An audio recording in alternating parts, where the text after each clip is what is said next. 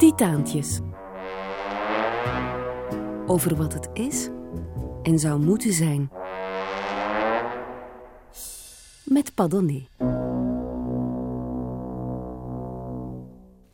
Eenmaal per jaar is het boek in. Dan lijkt het even, tien dagen lang toch, of boeken hip en sexy zijn. De andere dagen van het jaar bestaan ze niet. Ze zijn zo onbelangrijk dat zelfs geen enkel tv-station in Vlaanderen er maar aan denkt om er iets mee te doen, ook niet na middernacht. Maar nu is het boekenbeurs, nu is het feest. Vorig jaar inviteerde ik in Titaantjes een onbekende, onbegrepen en vergeten dichter.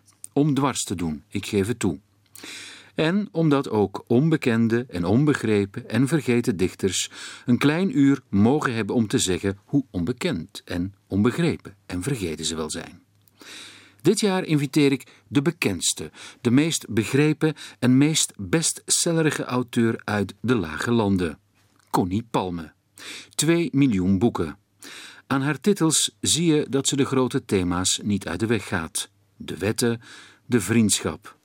IM was dan weer een rouwboek over haar relatie met de meest baldadige en lieve man van Nederland, Ischa Meijer.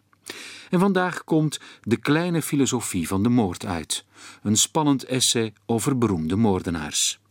Haar vriendin, hoogleraar Christine Brinkgreven, verklaart het fenomeen palmen. Titaantjes over wat het is en zou kunnen zijn.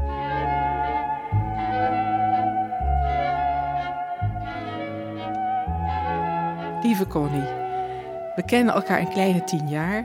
Het eerste jaar voorzichtig en schoorvoetend, de jaren daarop stevig en hevig. Tijdens die eerste ontmoetingen vielen we al wel voor elkaar. We praten over ons werk, de boeken waarmee we bezig waren, over onze mannen en wat ons verder dreef en bezig hield. Maar toen stierf opeens je man, die ik al veel langer kende dan jou. Ik zag je ontreddering en voelde je intense verdriet. En ik vroeg je toen of je het prettig zou vinden om eens in de week bij ons te komen eten. Bij ons, een gezin met twee opgroeiende jongens, niet zo ver bij jou vandaan. Ik dacht niet dat je het zou doen. Je was al een bekende schrijfster, had al een bestseller geschreven, De Wetten, en werd omringd door familie en vrienden. Maar je vond het fijn bij ons. Je hield van de kinderen. Je hoefde niks te zeggen, kon er faal en verdrietig bij zitten. We aten vaak een groot stuk lamsbout dat ik vlakbij kon kopen, rennend van werk naar huis.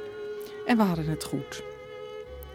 Dan zijn er nog die zomers in Bretagne, waarin je met ons meeging naar dat grote huis aan de zee. Je schreef daar ochtends, veilig in de schoot van het gezin. Dan daalde je de trap af en zorgde voor een lekker maaltje. Je bent voor mij een vriendin met wie ik mijn leven toe kan. We hebben veel, delen veel, vertrouwen elkaar en hebben ook ontzettend veel plezier. Ik moet opeens weer denken aan Bretagne, aan hoe we in je kleine rode auto met open dak langs de kust rijden, jij meezingend met liedjes van Adamo, ik roepend hoe mooi het uitzicht is, op weg naar oesters en wijn. Het goede leven, ook dat heb ik van je geleerd. En daar zijn we nog niet mee klaar. Volgend jaar weer naar Bretagne? Liefs, Christine. Dag Connie Palme. Dag. Christine Brinkgreven is uh, hoogleraar sociale wetenschappen en jouw vriendin, denk ik. Hè? Ja, dat is echt een vriendin. Zegt van jou een vriendin waarmee ik mijn leven toe kan. Ja, dat is prachtig gezegd. Christine heeft zo een hele eigen wijze van uitdrukken. Als iemand er vaal en vermoeid bij zit. En wat van die vette uitdrukkingen noem ik het maar. En zo'n uitdrukking waar ik mijn leven mee toe kan, dat... Wat bedoelt ze daarmee? Dat wij het... Uh, als het uh, dat ze wel voorziet dat we samen oud zullen worden. Dat het niet een vriendschap is die op een vreemde manier zal eindigen... omdat we elkaar zat zijn of omdat we uitgekeken zijn op elkaar... of omdat we elkaar niks meer te vertellen hebben. Het is een... Uh, nou, zoals je al hoorde in haar verhaal uh, ook een hele zorgende vriendschap. Ze heeft me echt opgevangen, zij en haar man Arend Jan en de kinderen na de dood van Isra. Het is een... En dat is een zorg die Christine altijd weer zonder voorbehoud of zonder ehm, dubbele bodem geeft. Mevrouw Palme, u bent van Limburg. Ja. Beetje van ons. Ja, ik ben een beetje van u. Nee, ik bedoel van ons, de Vlaanderen, hè? Ja, ja. U bent toch Vlaming? Ja, ja. Daarom, ik ben van u. Ik, Ja. ik, ben, ik voel me ook wel een beetje Belg, hoor. Ja? Ja, het is me zeer verwant. Eh, Zowel het, eh, het taalgebruik van de Vlaming als de, de omgang. De lichte schuchterheid en tegelijkertijd de warmte die een omgang kan hebben. Het land, ook hoe het land eruit ziet. Het eten. Plekken waar je nog bloedworst eet en zult en friet met mosselen. Zelfs in het eten is het eh, verwanter aan mijn geboorteland dan, dan Holland, dat verder van me af lag natuurlijk, dan België. Ja. Zeg, je Ja. komt uit Sint-Odilienberg. Ja, Dat is een dorpje met een klooster in de buurt van Roermond. ja. Hoe was het leven daar? In de buurt van zo'n klooster. Maakt dat indruk? Eh, Ja, dat maakt wel indruk. Want je hebt al het merkwaardige verschijnsel, bijvoorbeeld tijdens de Eucharistievieringen, dat er vlak voordat de heilige mis begint, schuifelen als eh, stille pinguïns wat nonnetjes naar binnen. En die dan ook met een heel ijl stemmetje alle eh, destijds nog Gregoriaanse gezangen meezingen. het was niet eens een met voorbedachte raad dat ik die vraag stelde, maar nonnen zijn in jouw werk toch wel opmerkelijk veel aanwezig en indringend. Ja, maar dat komt ook omdat ze zoveel indruk op me hebben gemaakt. En ik zelfs dat leven eh, in mijn puberteit aantrekkelijk ging vinden. Dat is, heeft ongetwijfeld nog te maken met eh, een gebrek aan kennis en misschien ook een zekere angst die ik had voor een, een toekomst die me te wachten stond. Of voor de turbulentie van de puberteit. Dat ik het echt aan, een aantrekkelijk idee vond om me terug te trekken in zo'n klooster en de hele dag alleen maar te bidden en te lezen en te studeren. Dat, Je hebt het overwogen om non te worden. ja, dat klinkt een beetje overdreven. Klinkt mij zelfs nu overdreven in de oren. Maar de gedachte ging wel eens door me heen. Het is flirten met het, Het idee. is flirten met ideeën, wat je als puber doet. Dat doe je wel eens meer, hè? Flirten met ideeën. Ja, maar naarmate ik ouder word, eh, veel minder. Ik bedoel, eh, ideeën die je, die je koestert in je puberteit, dat zijn ook ideeën die jou voortstuwen in de richting die je eventueel wilt opgaan. En naarmate je ouder wordt, en zeker eh, als je zo oud bent als ik, ehm, houdt dat flirten met ideeën Wat, niet op, maar die worden natuurlijk minder. Die zijn al ingekaderd in de ideeën die, die je al gerealiseerd hebt, die realiteit geworden zijn. Wat zeg je nu? Als je zo oud bent als ik. Het lijkt alsof, je- alsof je goh, wel, wel 50 eh, gaat worden. Ja, dat is dan ook precies het geval. En toch Ja. blijven ze het maar hebben over dat kleine, tengere, qua jongensachtige meisje van 1,60 meter. Qua jongensachtig, ik denk ook dat dat een echt een iets is wat geëtst is in je persoonlijkheid. Dat niet eh, zomaar hoort bij jeugd of bij eh, eh, een bepaalde leeftijd. Het is wel degelijk een, een persoonlijkheidskenmerk. Aangeboren lot noem je dat. Maar dan hoort daar het lot van de familie altijd nog bij. Dat is toch geboren worden in een gezin met alleen maar jongens en een vader en een toch stevige moeder, een pittige moeder. Dus Ja. niet een, een, een zijige, zeer vrouwelijke. Alhoewel ik ze is wel eigenlijk heel vrouwelijk. Maar op een wat stoere manier. En vader? Mijn vader was eh, eigenlijk een buitengewoon bijna vrouwelijke, zachtaardige, zeer lieve en sensitieve man. Dus met aardig wat vrouwelijke eigenschappen. Afwezig, Althans, die ons aanwezig? vrouwen worden toegedicht. Het was zoals bijna alle vaders van die babyboomers waar ik nog net toe behoor. Een afwezige vader, ja. Met een ongeveer 80 uur werkweek en Ehm, met duidelijk eh, dromen, die duidelijk dromen koesterde voor zijn kinderen die waargemaakt werden met geld. Zo'n opleiding in universiteiten die geld kostte en waar hij uh, hard voor werkte. Connie Palme, waar uh, doe je het allemaal voor? Wat drijft jou in dit bestaan? Jo, dat is een hele grote vraag. Maak ze zo klein mogelijk. Um, nou, meest... Lees mijn boeken, kun je zeggen? Ja, ja, ik besta in wat ik schrijf. Maar dan geldt de vraag natuurlijk nog: waarom ben je gaan schrijven om te bestaan? Christine Brinkgreven eerst. Waarom je het allemaal doet. Ik denk inzicht, begrijpen, weten hoe het zit. Wat is dat, verslaving? Wat is die liefde voor die, voor die man die ook een, een spoor van verlaten vrouwen uh, trekt? En waarom vallen ze? Wat, wat, wat is het raadsel? Wat is het geheim van die liefde? kennis, begrijpen. Dat is ook wat wij delen hoor. De honger naar kennis, de inzicht. Ook soms het meedogenloze inzicht. Hè. De, hoe zit het in elkaar? Ook het, het vrede inzicht proberen we niet te schuwen. Hè. De onwelgevallige waarheden. En dat is natuurlijk ook vriendschap. Dat je elkaar ook niet spaart voor misschien inzichten die niet alleen maar heel prettig zijn. Ook in verhoudingen, dat is natuurlijk ook een onderwerp waar we het vaak over hebben. Hè? De, moe de moeilijke verhoudingen die het leven soms geeft. Eh, hoe zit dat? Uh, ja, wat, de vraag die psychiaters eigenlijk ook altijd stellen, goede psychiaters. Wat is jouw aandeel daarin? Christine Brinkgreven, vriendin van Connie Palme.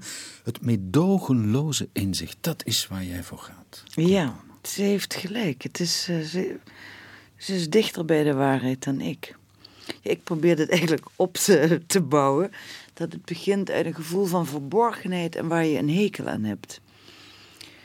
Uh, dus je gaat een, een lichte vorm van afkeer voor jezelf ontwikkelen, normaal in je puberteit, ouder worden, ouder worden. Denk van ja, maar dit kan niet. Het is, uh, dit wordt een onecht leven als ik voortdurend maar verberg wat ik zie. En dat zien, dat heeft inderdaad veel met kennis te maken. En met medogenloos inzien. Medogenloos is wel een woord wat ik niet gek vind als het op me geplakt wordt. Nee? Uh, nee. de meeste vormen van, van kennis, uh, van bepaald soort waarheden, zijn eigenlijk bijna altijd onaangenaam. Als je op zoek gaat naar, uh, naar waarheid over je vriendschap, over je verhouding, over jezelf, waarom je, over je drijfveren, je motieven, kom je niet in sprookjesland terecht.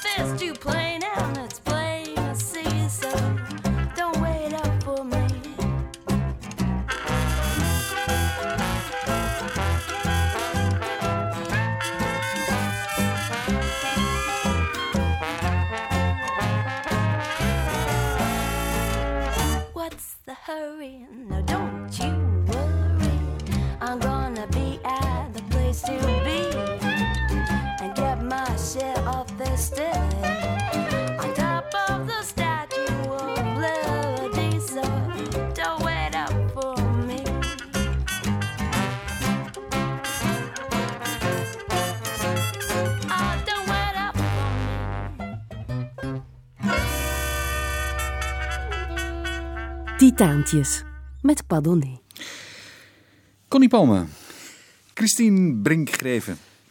Gaat eens, uh, ze weet het niet helemaal. Maar waar dat allemaal begon, is dat schrijverschap en, en wat nu die doorbraak is. Ja, ik weet niet eens of ze één hoogtepunt heeft. Ik, de wetten was natuurlijk fantastisch, hoe ze van een onbekend uh, filosofiestudenten, of ze was toen al afgestudeerd, van een heel onbekend iemand die eigenlijk schreef als een, een grauwe muis in haar hol, hè, hoe ze doorbrak. En ze heeft daar jaren over nagedacht en dat verhaal, dat boek stond als een huis. Dat is natuurlijk heel, uh, dat is echt denk ik een, een, de eerste belangrijke doorbraak. Maar uh, ik vind die vriendschap, eh, vind, ik ook, uh, ook qua thema's en behandeling van thema's een nog, een nog rijker boek dan de wetten. En echt de doorbraak in het grote publiek is dat geweest al haar andere boeken hebben ook, zijn ook heel succesvol en gelezen en besproken. Maar die vriendschap, dat was de, ik denk dat dat de doorbraak is in het, uh, voor het grote publiek.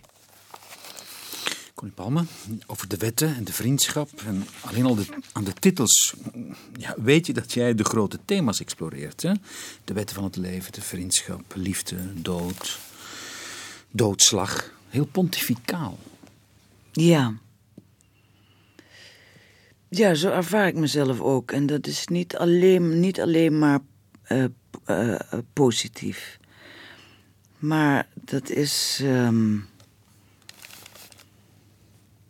Ik heb altijd gedacht, en misschien heeft dat wel te maken met zo in zo'n dom, raar visieslot als klein zijn. Het is alsof je dan in je optreden uh, net iets meer overtuigingskracht aan de dag moet leggen dan iemand, een heel groot iemand. Ik merk altijd dat grote mensen zichzelf veel meer twijfel en aarzelingen toestaan dan uh, wij kleine mensen.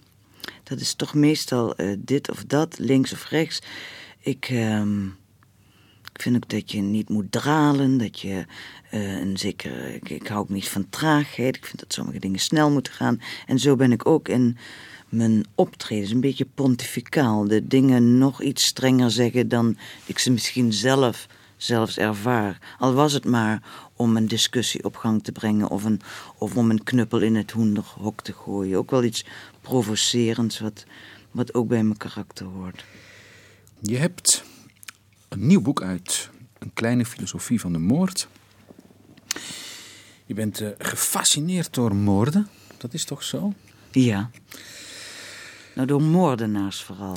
En, en natuurlijk ontkom je ook niet aan, aan die moord hier in Nederland. Bij ons ook in Vlaanderen, hele bekende moord. Misschien wel de bekendste van de 20e eeuw is het geworden, denk ik. De moord mm. op Pim Fortuyn. Zou dat niet kunnen? Van de 21e, het was 2002, ja. ja. Maar, ja, ja, ja, dat denk ik wel. Na die op Willem van Oranje, die toch ook alweer een paar eeuwen achter ons ligt. hebben we nu de moord op Pim Fortuyn. Wat ik een, inderdaad een... Uh, en jullie ook in Vlaanderen, een hele dramatische moord vond. Want iedereen begreep eigenlijk onmiddellijk dat bijna het land mee vermoord werd. Die, die, die, die wat dramatische uh, verzuchting, uh, nu is Nederland Nederland niet meer, dat heeft iedereen zo ervaren. Maar jij, wat, wat, ik, wat ik heel opmerkelijk vind en, en echt uitdagend nieuw voor mij, dus je hebt me daar geprikkeld als lezer, dat is dat je zegt, Fortuin heeft onze droom afgepakt. Ja. De droom dat Nederland eigenlijk toch alles bij elkaar een leuk land is om in te leven, dat we tolerant zijn voor elkaar. Maar vanaf het moment dat hij zei, at your service, geheel de uwe, heeft hij die droom aan degelijk geslagen. En dat verwijt nou, hem, toen hij zich een podium verschaft heeft om vele ergere dingen te zeggen. de grenzen dicht, uh, buitenlanders eruit, uh, Nederland voor de Nederlanders ongeveer. Dus deze rioolpraat, dat was zo uh, paste zo niet bij wat een Nederlander is of wat hij graag wil zijn. Dus ik heb ook gezegd, onze mythe stuk gemaakt van een tolerant land. En een mythe heeft wel degelijk een functie. Je, je krijgt mensen ook op gang met een beetje een mythisch verhaal over het goede land. Dan daar kun je, je kunt de inzet van mensen prikkelen om te zeggen, een goede Nederlander is zo en zo. Die heeft, dat is een tolerant iemand. Dat was, dat was je definitie als Nederlander. Je hebt het toch allemaal niet tegen Fortuyn geschreven, omdat hij zelf niet zo netjes is geweest over jou. Hè? Mag ik de Telegraaf citeren uit 1998 in Tempore non suspecto? Wat heeft dat meisje Palme gedaan? vraagt Fortuyn zich af. Ken je het? Nee, Wordt bleek, hè? nee. Ze heeft al haar emoties op papier geflikkerd. Dat vind ik zo pathetisch. Dat vind ik helemaal niks. Einde citaat Pim Fortuyn. Ken je het? Nee, ik kende het niet. Nou ja, ik vind het typisch Pim Fortuyn. Het was naar aanleiding van Het is een woordkeus, dat meisje, iemand kleiner maken eh, dan die is. Ik was denk ik op dat moment al een vrouw. Ehm, woorden als geflikker, de onbeleefdheid van in het taalgebruik en dat als provocerend beschouwen. Ik vond Fortuyn dus helemaal niks. En ik schrik er nu ook van. Ik heb gisteren naar een uitzending gekeken op, eh, op de Nederlandse televisie naar de, de grootste Nederland. En Fortuyn zit erbij bij de eerste tien. En dan val ik bijna van mijn stoel van kwaadheid. Ik begrijp wel wat ze zeggen hoor. eh, een stem gegeven aan mensen die geen stem hadden. Maar godzijdank hadden ze geen stem. Het is de stem van het gebrek aan kennis, van het gebrek van enige geschiedenis van Nederland, het gebrek van hoe een land, hoe alle landen in Europa eh, eh, moeten omgaan met een, met een migrantenprobleem. Maar de, de cretologie van de grenzen dicht is zo de domste kreet. En dat je daar mensen mee krijgt. Ja, ik hoorde die praatjes ook wel bij taxichauffeurs en op de tenkatenmarkt. Maar dat als een intellectueel dit gaat verdedigen, dit soort halfbakken gekwatsch, dan word ik zietend van woede. Connie, Palme, eh, jij gelooft in de liefde. Ik geloof in de liefde, dat is, dat is zeker, ja. Ja, Ja, je bent zo iemand nog. uitstervend ras. uitstervend ras, ja. Nee, nee. Mag, op zondag mag dat. ja. Liefde. Nou, er hoort een liedje bij, hè? Een love song. De versie, daar mochten we een beetje in kiezen, maar het moest Always on My Mind zijn. Ja. Ja, dat vind ik een van de mooiste liefdesliedjes. Maybe I didn't hold you all those lonely, lonely times, and I guess I never told you. I'm so happy that you're mine. Zeg jij bij jouw geliefde wel voldoende dat je, dat je zo blij bent met hem, maar dan op jouw manier geformuleerd? Ja, er is altijd verschil tussen de ene geliefde en de andere.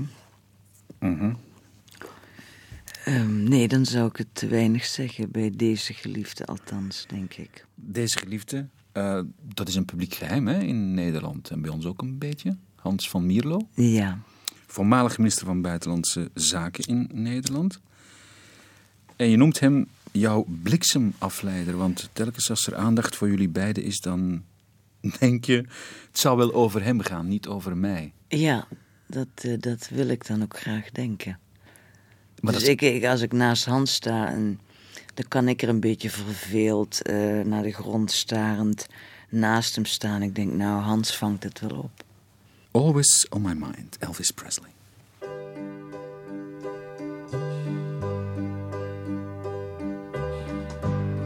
Maybe I didn't treat you quite as good as I should have.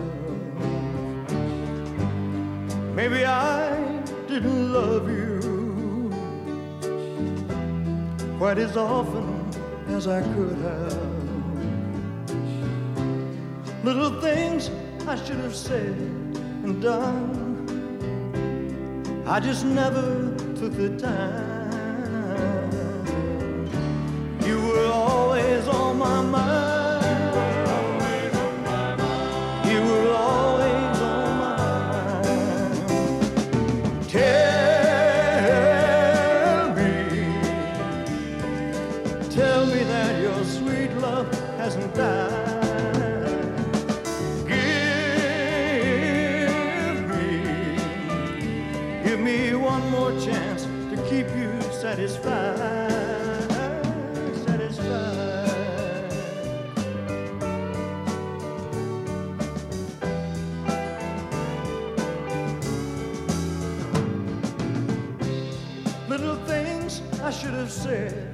Done.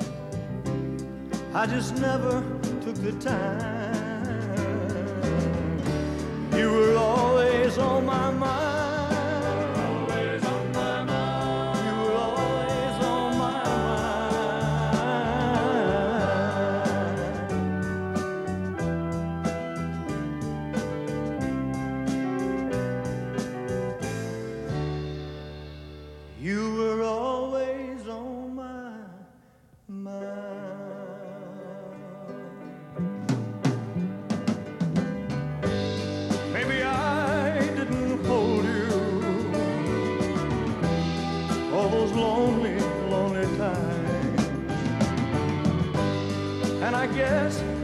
Never told you I'm so happy that you're mine. Radio 1. Always on my mind, Elvis Presley. Ehm Connie Palm en Ischa Meijer, jouw vorige man, waren eh, goed op weg om het succes-echtpaar van Nederland te worden. HP De Tijd schrijft op een bepaald ogenblik. Ze vinden elkaar in het egocentrisme. En dat verhaal duurt tot eh Ischa Meijer sterft. We hebben dat kunnen lezen. Tenminste, de mensen die hem hebben gelezen en Geel de Uwe weten hoezeer dat heeft eh, eh, gewerkt op, op, op, op, op wie Connie Palme was. Hè? Dat heeft jou denk ik veranderd, of niet? Jazeker, ja. Vind je het goed dat we Christine, jouw vriendin, daar even over laten Ja, vertellen? ja, ik ben benieuwd. Ik denk dat haar grootste crisis tot nu toe was eh, het overlijden van, eh van Isra Meijer, van haar, haar, ja, haar eerste man of haar langdurige verhouding. En, en dat heeft haar totaal eh, ontredderd en, en uit het lood geslagen. En, en dat was eigenlijk net de tijd dat de vriendschap uitkwam. En ik herinner me goed, toen dat boek gepresenteerd werd, was hij, geloof ik, drie weken overleden.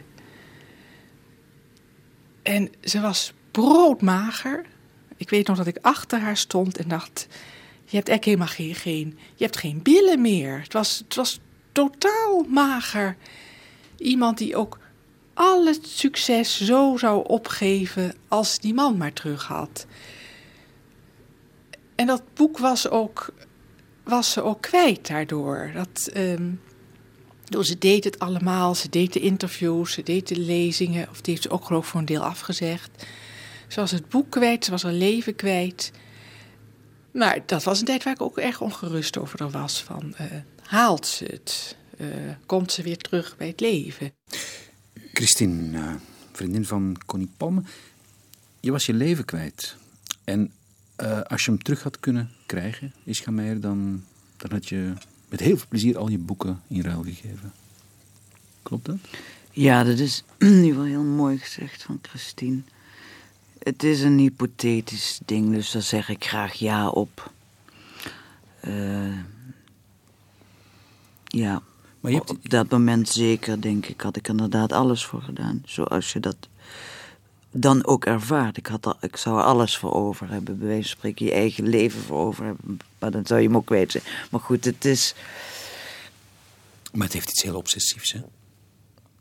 Dat soort liefde. Oh nee hoor, ja, het was misschien een obsessieve liefde, maar ik denk dat dat het karakter is van alle grote liefdes. Die zijn een beetje mal, die zijn neurotisch, die zijn, Ja? die zijn niet gericht op, eh, en dan noem ik neurotisch het tegendeel van heel normaal mensen die elkaar op een veel verstandigere manier uitzoeken en denken ik wil kinderen met jou en eh, en je mag ook nog wel iets aan je ontwikkeling doen, maar we gaan dit samen doen. En ik wil oud worden met jou en ik wil sterven met jou. Ehm, dat waren Isra en ik natuurlijk niet. We hebben elkaar op een veel neurotische manier gezocht en gevonden. En we hadden ook niet eh, een, een leven voor de boeg waarin we zeiden van we zullen ons uiteindelijk terugtrekken op het platteland en voor de open haard vrienden ontvangen en keuvelen over de laatste film die in de dichtstbijzijnde stad draait. Dat was dus een heel ander leven en dat was ook als heel anders bedoeld. Dus dat kreeg al veel sneller een, gewoon een afwijkend karakter. Dat jullie samen opzochten? Dat? Ja, dat, je vindt het ook in elkaar. Je, je vindt ook altijd iets van, van je wanhoop in de ander. Van je, van, van je gekte en van je mateloosheid en van je, je, je, je verlangen om iets tot op de spits te drijven. Dat hadden we allebei. Van je provocaties. Je vindt ook veel van je slechtere dingen terug. En je, maar ook van je hele goede. Dus het, is, ehm, het wordt allemaal een beetje op de spits gedreven. En Dat, maar dat maakt het ook dat het als iets heel groots voelt. Je dijt er een beetje van uit. En ehm, ik weet niet of jij wel eens heel gelukkig bent geweest, maar dat is bijna fysiek een pijnlijke ervaring. En als dat heel lang duurt, dan eh, heb je dus voortdurend eigenlijk een beetje pijn. Maar dat heeft ook te maken met de, de, dat de dood zo beangstigend wordt als je heel gelukkig bent. Of het angst voor het verlies, de angst voor, ook voor het verlies van dat geluk. Want je weet ook zelf heel goed in zo'n liefde dat het, eh, dat het een zekere eenmaligheid heeft. Je weet, dit is. ehm, en dat wij elkaar gevonden hebben. En dat, dat, dat die gevoelens zo afhankelijk zijn van de aanwezigheid van de ander. Dat je bijna niet meer zonder kunt. Dus dat heeft een, een heel eh, verslavend karakter. Visceraal, bijna. Hoe, hoe, hoe wat? Visceraal. Wat betekent dat? Eh, dat je de ander bijna opvreet, letterlijk. Hem, eh, Ja, in ieder geval, je hebt hem heel erg nodig. Het, Is dit een once-in-a-lifetime experience? Kun je dat maar eenmaal meemaken? Nou, ik zou bijna zeggen ja, maar dat heeft te maken met het einde ervan. Ik bedoel, je vroeg daarnet eh of je poneerde bijna, het heeft je veranderd. Heb ik gezegd, ja zeker. Juist omdat het je zo veranderd heeft, ehm, zal dit ook niet meer gebeuren. Want het verandert je wel degelijk. Een, eh, een, een, een dood en zeker een, een toch traumatische dood. Het is toch een telefoontje krijgen en van je vader moeten horen dat hij dood is. Denk je nog vaak aan Meijer? Het is bijna geen denken meer. Denken eh, heeft altijd voor mij iets separaats. Bijna iets waar je je toe kunt zetten. En ehm, het is er gewoon altijd dat wat je een gedachte zou noemen. Of een, gewoon heel ge, een geïncorporeerd soort aanwezigheid die ik, waar ik eigenlijk ook liever niet meer over spreek. Juist omdat ze zo aangenaam van binnen zit. En dus horen, zoals jij dat zo vaak zegt en ook schrijft, denk ik in de vriendschap, hersenen en hart horen bij elkaar. Ja, zeker. Onafscheidelijk.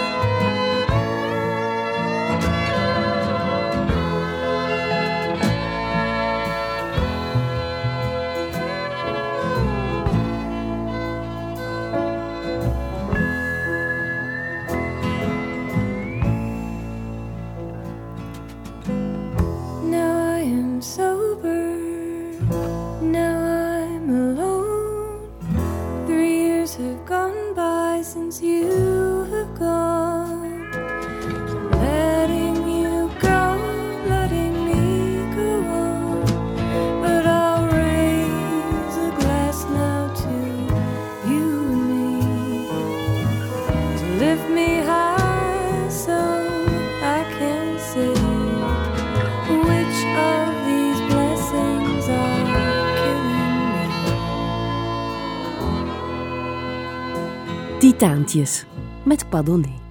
Connie Palme, ik zoek het op, maar ik vind het niet. Maar uit het hoofd, je zegt dat een boek jou gemiddeld 500.000 euro opbrengt. Dat is het. Hè? Ja, 1 miljoen gulden. Heb ik niet. Zeg maar, dan heb je een gat in je hand. Nee. Ik heb wel een mooi huis gekocht. Een hele mooie auto gekocht. Ik ga wel eens op vakantie, maar niet exorbitant. Ik zal nooit naar Thailand, Japan of China. Dat is allemaal veel te ver weg. Australië, Nieuw-Zeeland. Doe je dat Het valt allemaal buiten mijn, niet buiten mijn budget. Maar mijn interesse. Ik, ik hou niet ver, hè? van zo lang vliegen, zo ver weg. Dus ik doe helemaal geen exorbitante dingen, maar ik heb geen miljoen. Dus het is beslist niet waar. Ik denk dat ik het gezegd heb in zo'n interview. Eh, een beetje snerend eh, over de, het boekenweekgeschenk. Ah ja, ja, die is dat, je net, eh, dat 750.000 je gratis ja. weggegeven wordt en hoe erg dat is voor een schrijver en dat je maar 75.000 gulden krijgt. En Ja, maar hoeveel boeken je- zijn er intussen van jou niet verkocht? Zit dan 2 miljoen of zo? Nee, nee, maar wel. Met het boekenweekgeschenk erbij, hè? Oh ja, dan wel. Ja, hè? Dan wel, ja. 2 miljoen boeken. ja. Connie Palme. Een boek kost hoeveel? Eh 20 euro gemiddeld. Ja? Daar heb jij 20% van als goede auteur. Meer misschien wel, maar goed. Even snel rekenen. Dat is, eh 20, dat is 4 euro per boek. Maal 2 miljoen. Maar jij hebt veel meer dan een miljoen euro. Nee, ik heb geen miljoen euro. We gaan het vragen aan eh, Christine Brinkgreven. Ik vind haar gul. Ik vind haar als vriendin heel gul. Ze kan, ja, ze kan bijvoorbeeld echt prachtige cadeaus geven. Zonder nou te letten, god hoe duur is dat, heb ik niet. eh, wat heb ik toen van haar gekregen. Ze is daar heel royaal in en geeft iets wat bij je past. Of wat echt... eh, ze heeft een manier van, van leven die ook niet... eh, ja, ik bedoel, in elk geval is het niet zuinig, schriel, schraal. Het is royaal, het is prettig, het is... Ze kan ook erg genieten van lekker eten, van goed drinken, van nou de, de genoegens van het leven. Je hebt natuurlijk wel als schrijfster zonder vaste baan en zonder pensioen eh, bij tijd en wijle de angsten van god, eh, ja, loop ik niet in, Eh, verdien ik wel genoeg. Eh, maar daar hoor ik er heel weinig over. Ik denk dat dat heel sporadisch is, dat dat soms even de kop opsteekt. We hebben het er eigenlijk nauwelijks over. We nemen het er goed van en hebben het idee dat dat doen we zolang het kan. En anders zien we wel weer. Ja, ze heeft helemaal gelijk. Ja, genieten. Genieten van wat er is. En af en toe die angst. Want je moet niet vergeten, ik doe gemiddeld vier jaar over een boek. Ja. En dan heb je nauwelijks inkomen, want die omloopsnelheid, van een verkoopomloopsnelheid heet dat geloof ik, die is steeds korter geworden. Dus je verdient in één jaar inderdaad een smak geld. Maar je betaalt in Nederland ook 55% belasting. Maar dan nog, op, in die, die schrijftijd die een boek ver, dan moet je het doen met, met wat er op die bank staat. Dus dat is voortdurend aanvullingssaldo, aanvullingssaldo. Af en toe denk ik dan wel eens, is er niet een bodem in zicht? Eh, Hoe lang hou ik dit vol? Stel dat ik zeven jaar over een boek doe. De angst toch een beetje om, Ja, zonder geld te vallen. Ja, Terwijl er volgens mij, en dat zeg ik in alle rust en sereniteit, geen schrijver in de lage landen is die meer verdient dan jij. Dat denk ik niet. Denk, ken jij iemand die meer zou verdienen dan boeken? Ik weet het niet. Ik eh, ben de enige met wie ik, er, eh, met wie ik dit soort gesprekken kan voeren zonder me enorm te generen. Eh, zeker als het over angsten gaat, is Adriaan van Dis. En hij en ik zijn ongeveer dezelfde. in inkomen uit ons werk staan we ongeveer op hetzelfde plan. En je bedoelt de gêne? Nou, de gêne, die, dat die angst af en toe zo de kop opsteekt. Waarom heb je daar gêne over? Nou, omdat je wel ziet dat, omdat je het eigenlijk op, op dat moment nog veel hebt.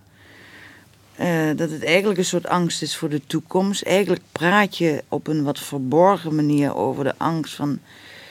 Het geld. kan ik nog wel een boek schrijven? Ja. Is het, eh, lukt het? Blijf je zo Gaan ze, nog, goed? gaan ze nog wel blijven van me houden? ook? Ja, natuurlijk. Hè? Ja. Zit er ook in, hè? Ja, Wat is jouw lijfspreuk, Connie Palme? die heb ik niet. Die heb je niet. Nee, ik Schrijf ze zonder lijfspreuk. Ja, moet je jezelf niet aandoen. Dan word je je hele leven achterna gezeten met... Ja, maar dit was toch uw lijfspreuk. Ik, ik heb het niet, ik wil er ook geen hebben. Ook niet mijn levensmotto. Stel je voor, dan zetten ze het later op je graf, zeg. Stel je voor altijd onder, geboekt onder, onder één zo'n zinnetje. Geheel de uwe bijvoorbeeld. Ja, dat is, een, eh, de meest, dat is waar je het schrijven in kunt samenvatten. Ik ben geheel de uwe, maar Toch een beetje alleen een in de vorm van een boek. Toch maar een wel beetje een een lijfspreuk, hè? Ze amuseren me, maar ik wil er gewoon niet eentje op mezelf plakken. U hoorde Titaantjes. Over wat het is en zou moeten zijn. Met Padonné.